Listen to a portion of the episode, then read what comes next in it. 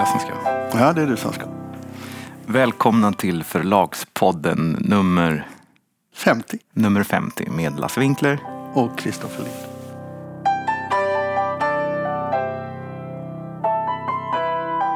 Ja, Kristoffer, anständigheten kräver nog att vi eh, tar upp Johan Ehrenberg igen.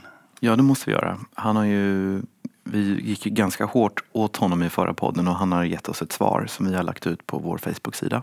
Ja. Och vi börjar den änden tänkte jag lite för att han slänger iväg en hel del påståenden i den, eh, i den eh, brevsidan han ger oss där. Ja, alltså läser man bara hans eh, påståenden utan att vi då bemöter dem så får man ju intrycket av att vi är ohederliga, att vi far med osanning, att vi inte tar reda på fakta, att vi, att vi liksom är eh, Bonnier-lakejer som viftar på svansen för att vi vill ställa oss in i bokbranschen. Ungefär så. Det var till och med någon som skrev det på vår Facebook-sida att det här borde, det här borde inte ha gjort. Nu, ska ni, nu bör ni be om ursäkt. Mm, Det var en av mina kompisar. Ja, men, exakt. Huvudpoängen i hans försvar det är skamlöst att kritisera Bonnier. Han skriver så här, citat. Att kritisera monopolisering borde inte vara kontroversiellt och att försöka samla kraft att motarbeta den borde inte heller vara något upprörande för den som gillar mångfald. Lasse Winkler, förre chefredaktören för Svensk Bokhandel plus ägaren till bokförlaget Lind Company, Kristoffer Lind, går i sin podd Flatpodden till våldsamt angrepp mot i första hand mig, men givetvis även mot ETC och Leopard förlag. Slut citat. Att kritisera monopoliseringen, att han gör det, det kritiserar vi inte honom för. Nej, vi kritiserade honom för att han säger att nu har Bonnier gjort att ingen kan tjäna pengar. Därför behöver vi crowdfonda. Ja. Alltså han skyller sina egna misslyckanden och han skyller förlagets ekonomiska problem på Bonnier. Det var det som vi tyckte var ohederligt. Ja, det är fortfarande ohederligt. Ja, han får gärna eh, debattera mediafrågor men han ska inte göra sina egna kortakommanden. Han ska inte liksom skylla dem på andra. Nej, men han är väldigt svepande. Ja. Han är inte konkret någon Nej, han är inte konkret någonstans. Sen så skriver han så här. Eh, man, citat, man påstår sig också veta att förlaget står på ruinens brant och betalar inte sina skulder. Om det var sant skulle ju förlaget inte finnas alls. Slut citat. Det där återkommer vi till sen. Okej? Vi ska gå igenom deras årsredovisning. Ja. Så ska vi visa varför han ljuger där också. Så säger han också så här. Det är lite märkligt. Ilskan handlar inte om att boken kommer ut. De påstår tvärtom att de tycker den är bra. Utan baseras på att jag samtidigt kritiserar Bonnier för den koncentration av bokmarknaden som pågår. Men det är ju ingen okänd åsikt och knappast bara min. Återigen, luftsnack. Han får kritisera Bonnier så mycket han vill. Men han gör detta bara för att inte behöva ta tag i det som är viktigt för de som ger pengar till honom. Så här ser det ut i förlaget. De här pengarna vi får in, vart kommer de att gå? Det är ju inte så att de kan säga att de pengarna kan öronmärkas för, för den här utgivningen. Nej. Det, så fungerar inte eh, ekonomin i ett förlag. nej, nej, det blir som budgetbistånd. Ja. Det bara går in, går in i ett svart hål. Han pratar om den här nyemissionen i, i ETC. Så skriver han så här. Nyemissionen är inget märkligt. Det är jag och ETC som omvandlar ett lån till nytt aktiekapital och därmed stärker bolaget rejält med en miljon kronor. Och det där vill jag ta upp när vi går igenom årsredovisningen. Det där tycker jag är extremt fult av honom. Sen, vi, sa ju, vi sa ju också att eh, jag hade sett på Bolagsverket att det låg någon, eh, någon, något, något ärende under behandling som rörde emission eller aktieägartillskott. Så vi sa att det är kanske det som de här pengarna ska gå till. Det var ju inte ett påstående, det var ju bara en spekulation. Ja, för han, han hånar ju oss därför att vi inte har koll på grejerna. Att vi har inte årsredovisningen. Nej, han skriver så här. Podden försöker också göra en sak av att de inte får ut bokslutet från Bolagsverket. Det är lite lustigt. Inkompetens hos en granskare brukar inte vara ett sakargument när man ska visa att någon står på ruinens brant. Det håller jag med honom. Ett enkelt mejl till oss hade löst den frågan. Bokslut är klart och både banker och stora samarbetspartner har sett det. Vi går precis runt. Här kan man då säga att vi eh, Påståendet att de står på ruinens brant har vi ju baserat på andra saker än själva årsredovisningen. Eh, när vi fick ut årsredovisningen fick vi ju det bekräftat men vi hade inte kunnat få ut årsredovisningen för den inkom den 31 januari men godkändes först den 28 mars och då hade vi redan spelat in den här podden. Och att vi skulle mejla honom, det är ju helt orimligt eftersom vi skulle inte trott på några siffror som inte en revisor eller Bolagsverket hade godkänt. Såklart. Men låt oss nu gå igenom det där lite grann för att eh, nu har vi bara citerat ur hans eh, försvarsmail. Men vi ska gå igenom och titta både på en analys, ekonomisk analys av företaget och årsredovisningen. Du kanske ska tala om för lyssnarna vilken eh, period av årsredovisningen avser? Eh, det är 2017 0701 till 2018 0630. Mm. När man läser en, en, en årsredovisning så börjar man alltid med en förvaltningsberättelse. Och i det här fallet, i flesta fallen så är förvaltningsberättelser rätt ointressanta. Mm. Men det är inte det här. Här motiverar de varför det går så dåligt. Ja. ja och de pekar på att bokbranschen går dåligt. Eh, och så skriver de så här. Förändringar i läsvanor och nya affärsmodeller med lägre ersättning till förlag och upphovsrättspersoner, framförallt inom de strömmande tjänsterna, ligger bakom en sjunkande omsättning för flera förlag, så också Leopard. Ingenting om vilken typ av böcker han ger ut. Ingenting om vilken typ av marknadsföring de har, hur de når ut och så. Utan det är någon annanstans som felet ligger. Den nedåtgående trenden har vi hanterat med en omfattande översyn och så räknar de upp vad de har gjort. Då. Och resultatet av de minskande kostnaderna kommer först att synas i nästa års räkenskaper. Men så kommer det intressanta. En omfattande investering har gjorts under verksamhetsåret för att tillgängliggöra delar av Leopards rika backlist som ljudböcker. I vår egen ljudboksstudio på Ragvallsgatan har skådespelare avlönats för att läsa in ett 50-tal titlar, både nyskrivna berättelser och tidigare utgivna pappersformat. I december 2018 uppgår förlagets totala ljudbokskatalog till 75 titlar. Denna omfattande ljudbokskatalog syns i årsredovisningen under posten lager och investeringen i ljudböcker har bidragit till öka, det ökade lagervärdet. Det tycker jag vi ska gå igenom eh, ordentligt. Det kan vi göra, men innan så måste vi bara då mm, berätta lite grann för eh, lyssnarna exakt, alltså de, de viktigaste nyckeltalen. Eh, omsättningen i förlaget har minskat från 15 miljoner till 8,8. Eh, och då ska man i och för sig komma ihåg att det förra räkenskapsåret hade ett förlängt, eh, en, en förlängt redovisningsperiod. Mm. 14,5 eh, miljoner till 8,3 miljoner. Mm. Sen så har då resultatet har försämrats från ett plus på 18 000 kronor till en förlust på 700 000 kronor. Så att det som Ehrenberg säger då att de går precis runt, det stämmer ju inte alls. Utan en förlust på 700 000 på en omsättning på 8,8 det är ju en ganska ansenlig förlust. Sen det mest anmärkningsvärda i det här bokslutet, det är själva varulagret. Och nu kommer lite eh, förlagsekonomi här verkligen in. Alla som driver förlag eller alla som tittar på förlag och värderar ett förlag, de har total koll på posten varulager. Och varför har man det? Jo, därför att om man ökar varulagrets värde, då ökar man också vinsten. Alltså höjer man varulagret med en miljon, då ökar man vinsten med en miljon. Alltså, du kan justera din vinst utifrån hur du justerar bokslutet. Om en om ett förlag har ett kraftigt sjunkande omsättning då ska allt annat lika varulagret också sjunka i värde därför att annars, vad, vad annars betyder det att varulagret inte omsätts. Men ett förlag som har ekonomiska problem och en minskande försäljning de gör nog allt de kan för att sälja av sitt varulager. Och det, det här är alltså en klassisk eh, eh katastrofsiffra. Eh, att vi ser då omsättningen sjunker samtidigt som varulagret ökar. Varulagret i Leopard har ökat från 4,7 till 5,7. Det har alltså ökat med en hel miljon. Jag gissar att det där är en helt orimlig ökning och skulle man då inte ha ökat varulagret med en miljon då hade ju förlusten blivit 1,7 miljoner. Men låt oss prata lite om hela, det. Hela, hela det egna kapitalet och soliditeten ligger ju i varulagret här. För vad innebär det att ha ett varulager eh, på 5,7 miljoner med en omsättning på 8,4 nästan? Ja, det innebär ju att eh, en stor del av... Eh, alltså du har alldeles för mycket eh, värde knutet i... Du, du säljer väldigt lite, du omsätter ditt varulager väldigt lite. Ja, det betyder ju att du har ett sänke där också. För de, de pengarna ska ju, om du vill överleva som förlag, de ska ju så att säga försvinna. Mm. Du måste alltså kunna plocka bort varulagret och då måste du ersätta det med vinster. Mm. Så kommande vinster måste eh, vad heter det, sättas mot det här varulagret så att det sjunker.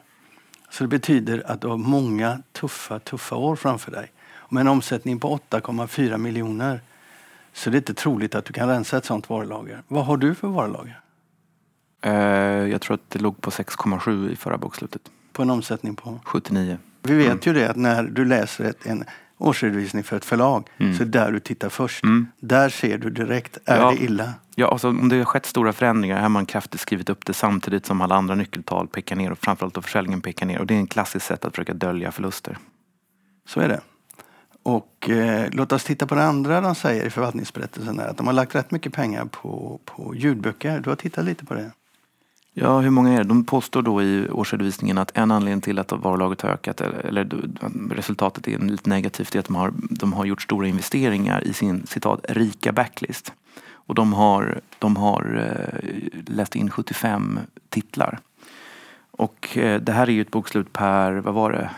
Eh, per 06 18. Ja, alltså för 06 18 precis. Men jag kollade nu, eh, nu här i april 2019 och då tittade jag på Storytel och då kollade jag på hur många titlar från Leopardflag som fanns på Storytel. Då fick jag det till 24 stycken vanliga ljudböcker och 40 stycken erotiska ljudboksnoveller. Och de här erotiska ljudboksnovellerna, som, de har en serie med bland annat feministiska erot, erotiska noveller.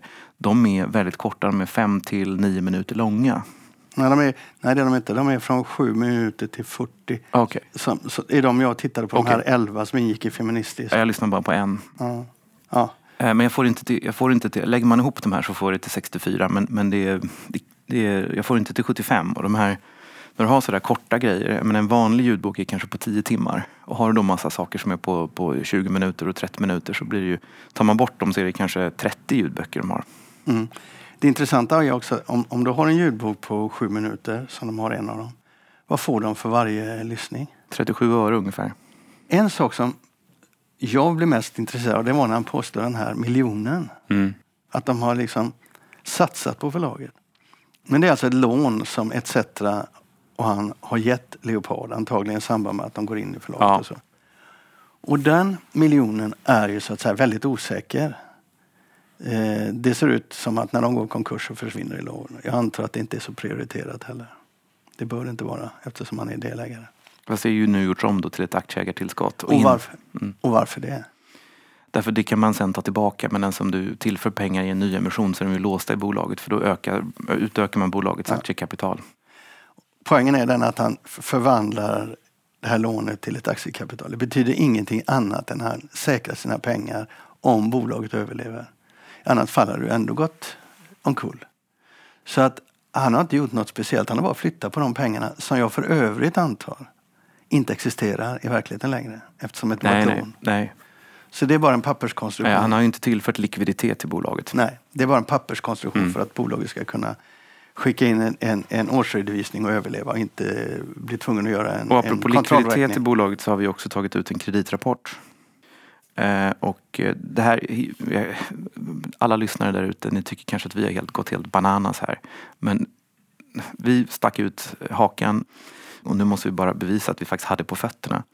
Vi har tagit ut en kreditrapport. Den tog vi ut den 8 april så det kan ha skett saker sedan dess. Men här kan vi se att det finns ett, en ansökan om ett betalningsföreläggande hos Kronofogden från My Newsdesk på 42 500 kronor 2019 0326.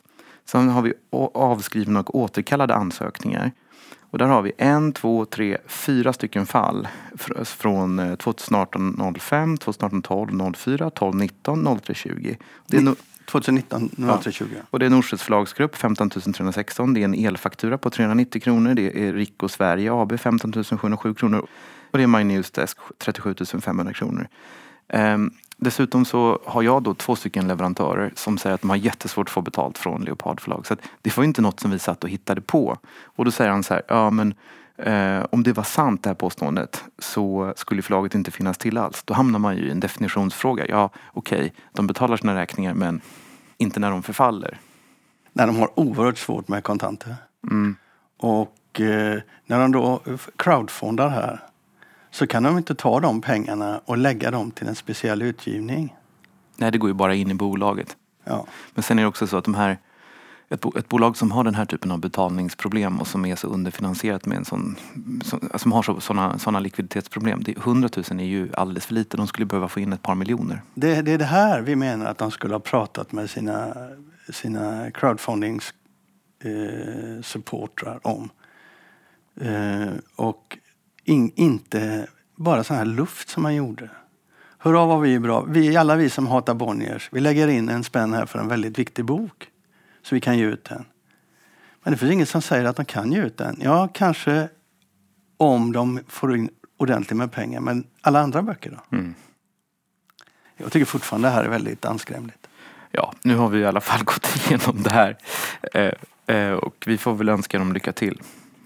Ja, alltså även om vi nu gick rätt hårt åt eh, Ehrenberg här så önskar jag ju inte att de försvinner. Jag, jag tycker att varje förlag som finns på svenska marknaden behövs. Och det finns inget positivt att en förlag går under. Men då får man ju sköta det bättre än vad de har gjort. Ja, och kanske hitta en annan bok som faktiskt marknaden vill ha. Ja, jag hoppas att de vill ha Barbara Ehrenreich, men, men eh, han vet ju om han är värd sitt salt överhuvudtaget. Om, om man kollar hur den här typen av böcker brukar sälja. Att den säljer inte så mycket tyvärr i dagens eh, politiska klimat kan man säga. Så det finns ju ingenting som säger att det ska vara en bok som de kan ge tillbaka pengar på. Nej.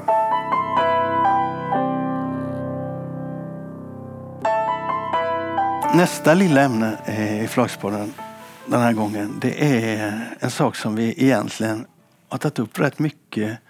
Men som jag tror vi ändå behöver röra runt i lite eftersom tittar man i media så verkar de inte fatta vad det handlar om. Nej. Och det gäller den här konflikten mellan Bonniers och Storytel nu.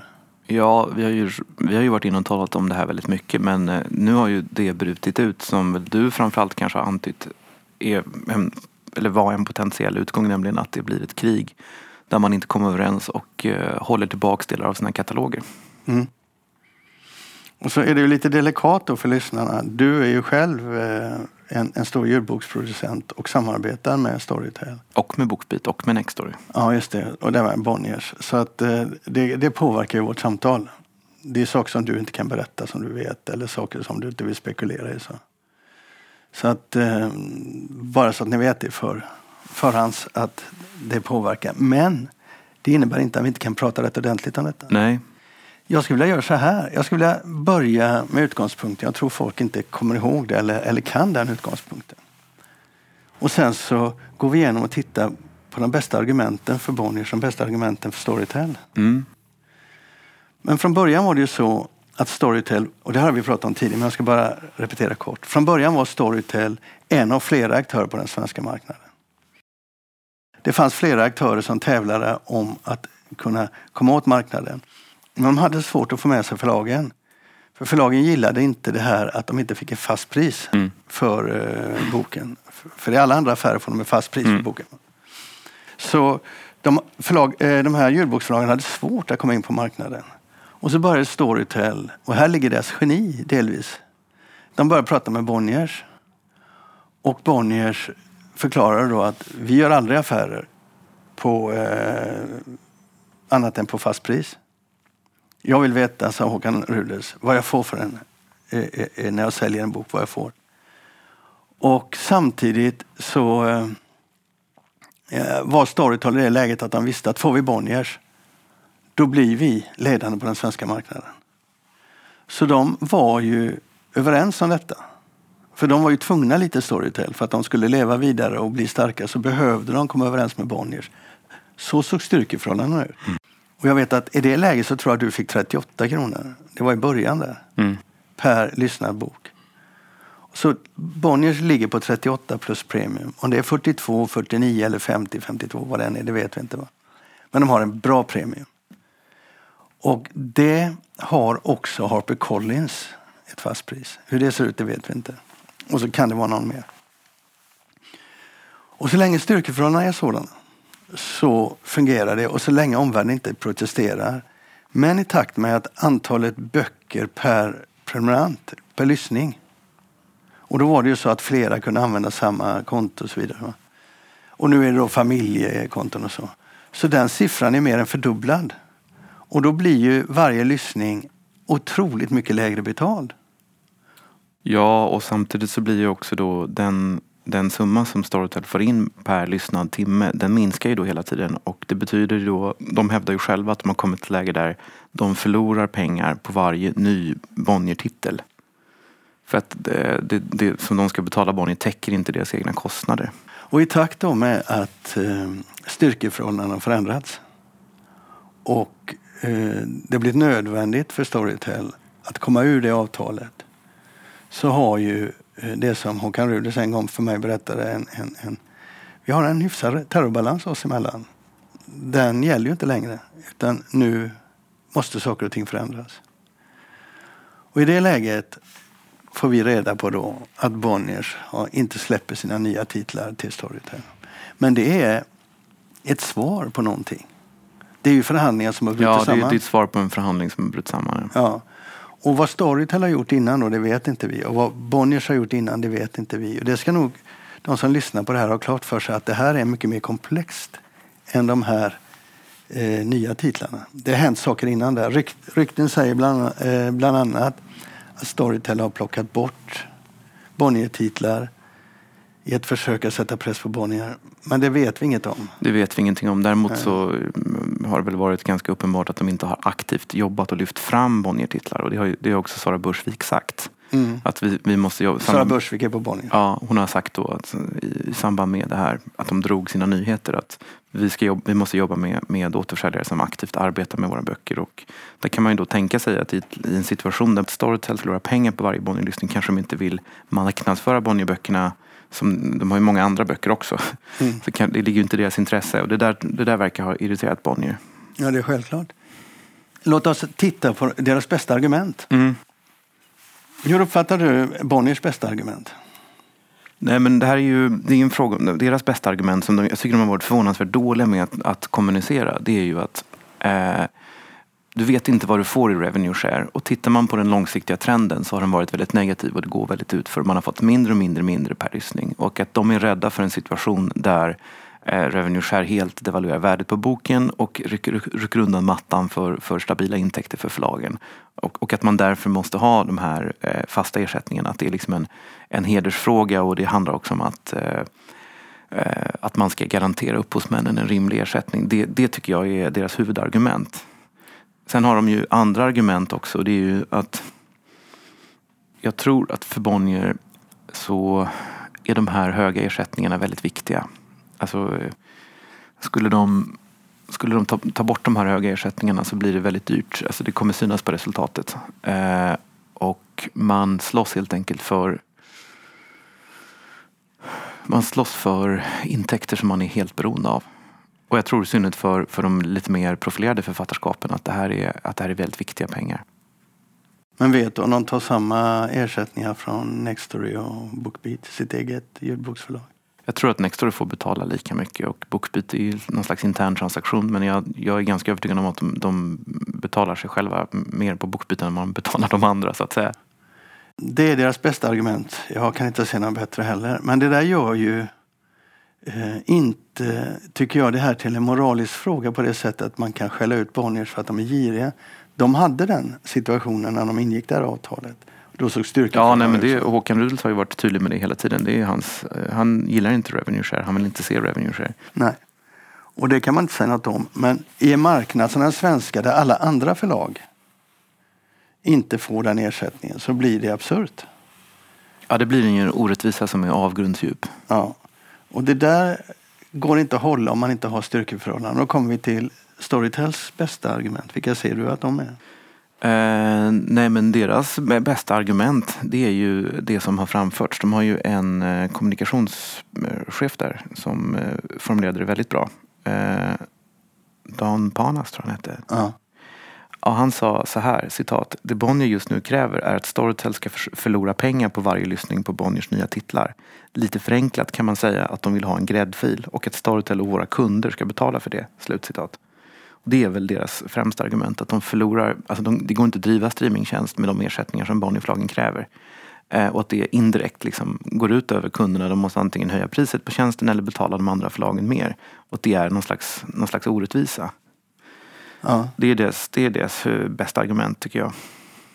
ja, och sett så här från sidan så tycker jag ju att båda har ju rätt att slå för att stödja sin egna företags utveckling. Det finns inget konstigt i det.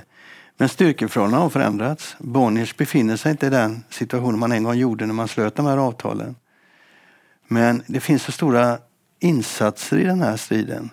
För den handlar ju om hur streamingen kommer se ut överhuvudtaget. Och, och, och betänk då att Sverige är rätt unikt. Väldigt unikt för vi ligger så långt framme. Ja, vi kallar det långt framme, men vi har en helt annan typ av marknad än de flesta länder har. Och den är så stor så den påverkar all bokförsäljning.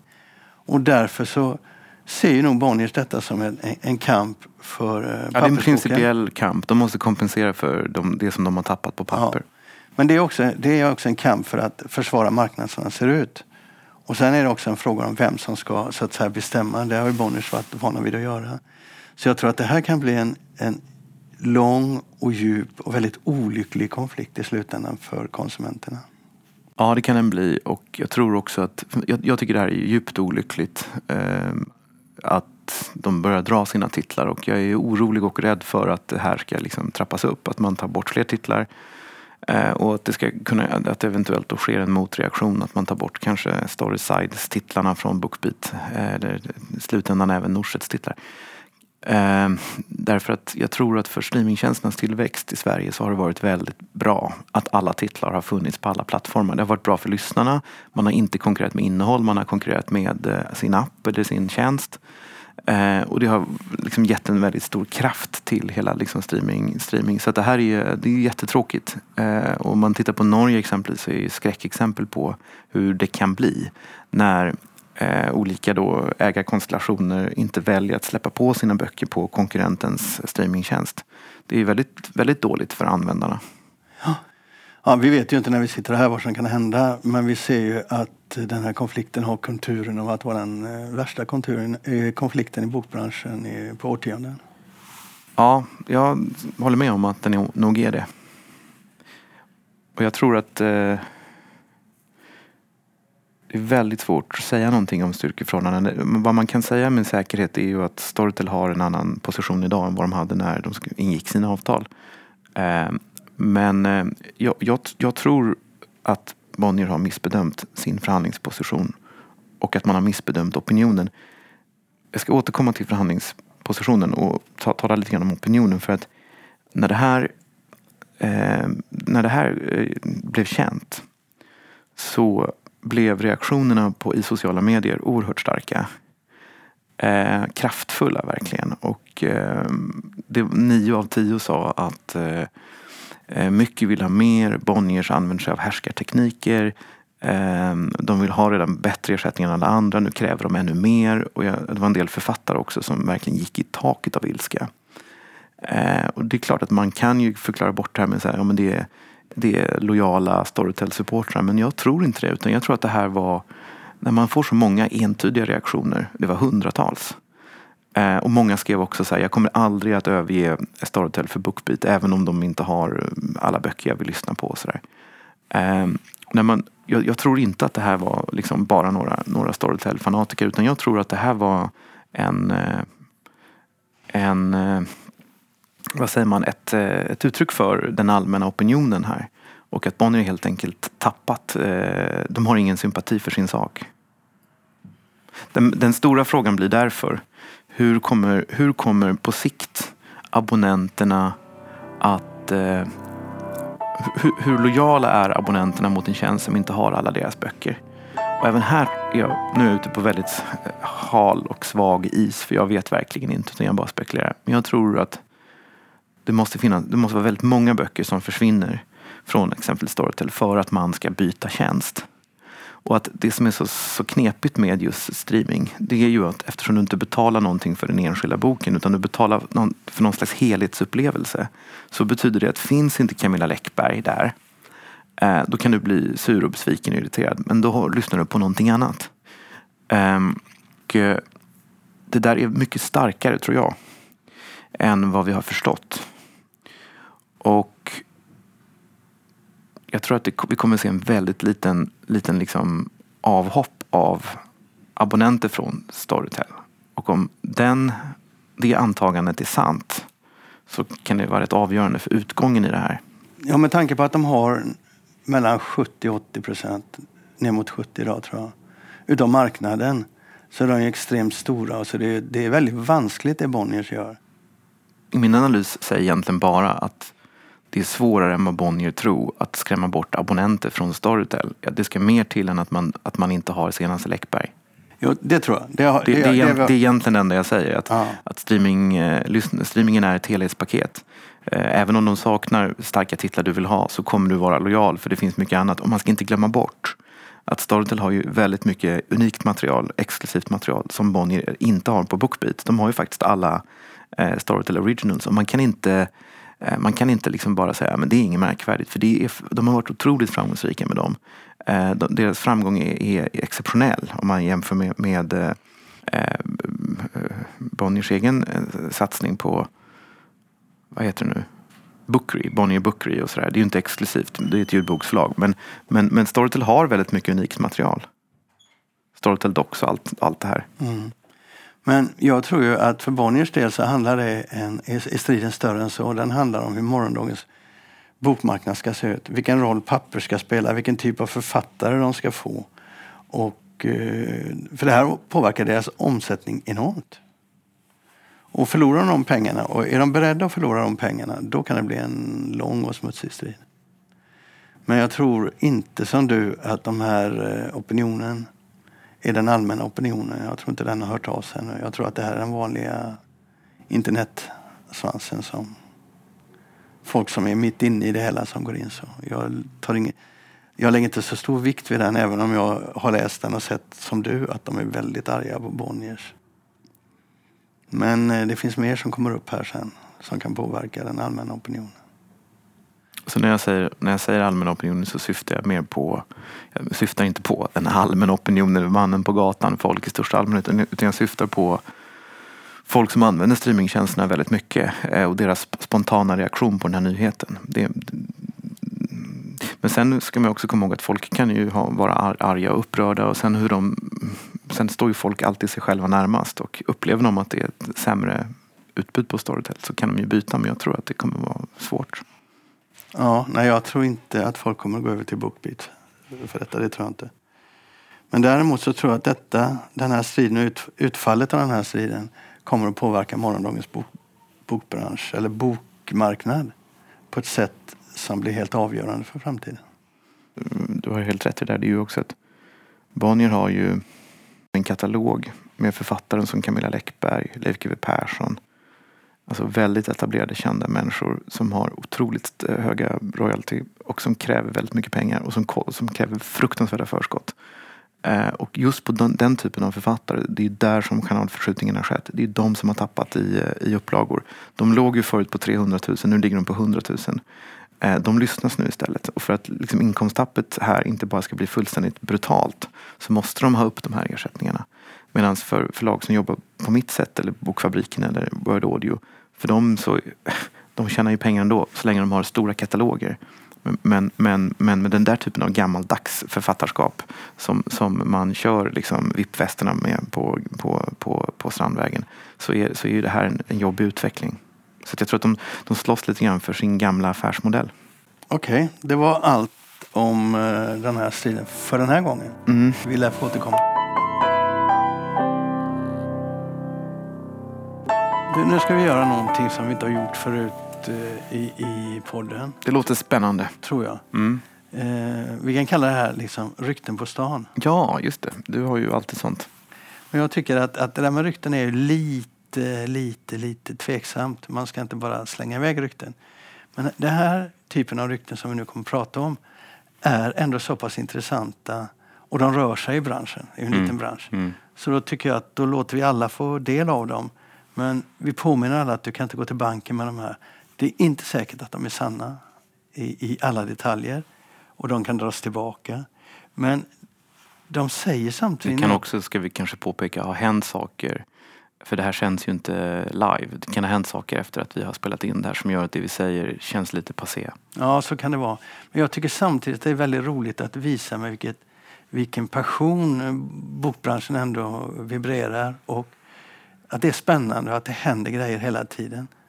Så det är roligt att lyfta fram det här. Men vi ska börja med en sak som inte är så mycket rykte som jag tror faktiskt är ett faktum. Mm. Och det är att Adlibris eh, i höst kommer att plocka bort allting som inte passar in i logi, logistiken för böcker. Vi har pratat om det, att de har svårt med logistiken. De har svårt att trycka, kanske inte garnnystan, men barnvagnar om de har det, det vet jag inte. Leksaker tror jag är svårt. Ja, de har haft svårt med vissa produkter att få dem att, att eh, enkelt rymmas i den logistikkedjan de har. Det Så låter nu... ju logiskt eftersom det är logistiken som har varit problemet men det låter ju också som att man då helt byter strategi och då undrar man lite grann, då har man ju köpt på sig massa saker man inte borde köpt på sig. Ja, För själva poängen var att man skulle få en bättre logistik genom att man hade större volymer. och en möjlighet att konkurrera med Mm. Amazon. Vi vet ju inte vad det får för konsekvenser för jag antar att den nya strategin inte är framme ännu. Nej, Men så pass mycket eh, säger ryktet i alla ja, fall. det var intressant. Ja, jag tror det. Jag har ju hört ett rykte också. Okej. Eh, Och det är att, det här kanske redan då blivit känt när vi sänder det, men det är att Stordalen har köpt Basar, svenska Basar. Öyvind Hagens förlag. Ja, då säger jag grattis till Öyvind Hagen. Men jag kan inte se så mycket volym i det eller så mycket namn författare. Nej, alltså det är, Öyvind Hagen hade ju ett basar, basar. Från början så hade han i Sverige, Norge, Danmark och Finland. Och hans tanke med Basar, eh, den är rätt intressant faktiskt själv att mm, uppehålla sig kring för den, den, den är väldigt spännande. Hans tanke var att han skulle köpa in bästsäljare och som man skulle liksom sälja i alla de nordiska länderna. Eh, och han har en näsa för bästsäljare. Han har i, i eh, Norge har han haft eh, Harry Potter en gång i tiden. Han har haft Dan Brown. Och eh, i Sverige har han haft eh, Coelho. Coelho och så vidare. Så han, han hade det här men problem, det funkade inte så bra. I Danmark tror jag det blev nedlagt. I Finland tror jag det såldes. Så att det slutade med att han bara hade Sverige och Norge kvar.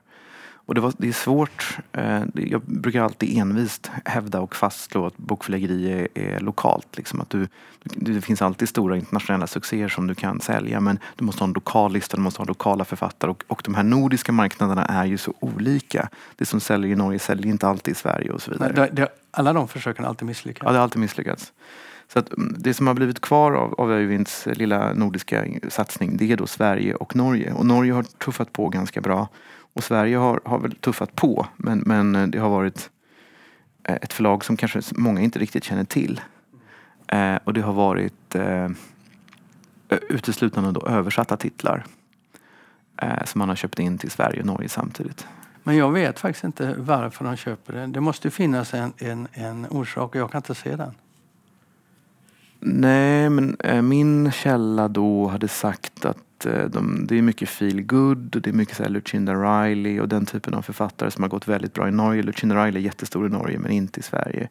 Och min källa har då sagt att ja, men det är liksom den typen av saker som de har köpt till Norge. De vill ha det i Sverige också. Och så. Um, men eh, det är också intressant utifrån att de, vad vi har då uppfattat, har lämnat tanken att köpa upp förlag utan de ska bygga upp någonting nytt. Eh, Men, eh, men varför inte? Ja, det där är ett annat rykte då. Det är ju inte säkert eh, att de har lämnat tanken på att köpa upp förlag.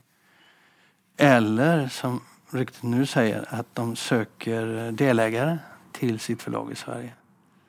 Och det som har pratats om då är ju eh, Norstedts Storytel. Mm. skulle vara intressant av att inleda samarbete. Och det där, om det är sant, är ju ganska explosivt. Verkligen explosivt och eh, det skulle förvåna mig verkligen om... Det, det, förvånar mig inte att det förekommer sådana diskussioner men det skulle förvåna mig om de är beredda att plocka in Norstedts slash Storytel som delägare för det ändrar ju helt förutsättningarna för allt. Hur tänker du? Ja, jag kan inte se... Stordalen får ju inte den... Om de vill ha den stora ägandet, det är ju megalomaniskt anspråk där. Om de vill ha det stora ägandet och ha den profilen så tror jag det blir stökigt för dem att ta med Norstedts och Storytel. Som ju tillhör, eh, som är den näst största aktören på den svenska marknaden. Då blir det en helt annan profil, det blir en helt annan eh, förhållningssätt inför eh, omvärlden. Då tror jag lite de förlorar sin eh, prägel av... Eh, Uppstickarförlag, utmanare. ja. Så att, men det sagt, det var vår, det. Men jag har en grej till.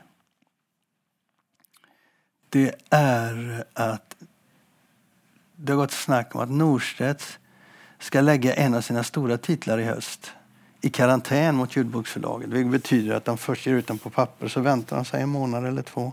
Sen kommer den som ljudbok. För att inte förlora pappersförsäljning. Det där låter ju jättekonstigt. Varför? Det är, ju, det är inget nytt för jag vet att Naturkultur gjorde det ett tag. men- Ja, Piratförlaget har också försökt. Nej, men ju- min inställning till karenser är ju att det är ett eh, eh, förståeligt men eh, meningslöst sätt att försöka desperat hindra den utveckling som är ofrånkomlig. Eh, och eh, jag vet av egen erfarenhet när vi har haft försenade Butler och Örlund-titlar för att Sauk inte har läst in dem i tid att eh, det har ingen som helst mätbar effekt på försäljningen. Alltså du kan inte, det är inte så att du säljer 10% mer inbundet om du väntar i tre månader. Och det är därför som jag också är skeptisk till de här, att- Bonnie nu har dragit sina nyhetslistor. För jag tror att folk kommer att lyssna på Camilla Läckberg lika, hon kommer att ha lika många lyssningar efter tre månader som hon hade nu om hon hade kommit när boken var ny. Så att jag, jag är skeptisk till det där. Sen tycker jag att det är konstigt att man du menar att de släpper på den efter tre månader? Ja, jag, jag, jag, det, det kommer inte hjälpa dem. De kommer inte sälja fler fysiska böcker. Utan det där blir bara någon slags markering. Och det, är där, och det förstår jag inte heller. Men nu är det ett rykte som du presenterar för mig. Men det låter ju konstigt att Norstedts skulle göra en markering mot sin ägare på det sättet. Ja, jag tycker det också. Så att jag tror inte, jag tror inte på, men varför, ja det låter jätteknäppt. Ja, men det var ett sätt att bara tala om att det händer mycket och det snackas mycket i branschen. Sen behöver ju inte allt eh, vara sant. Väldigt mycket är inte sant.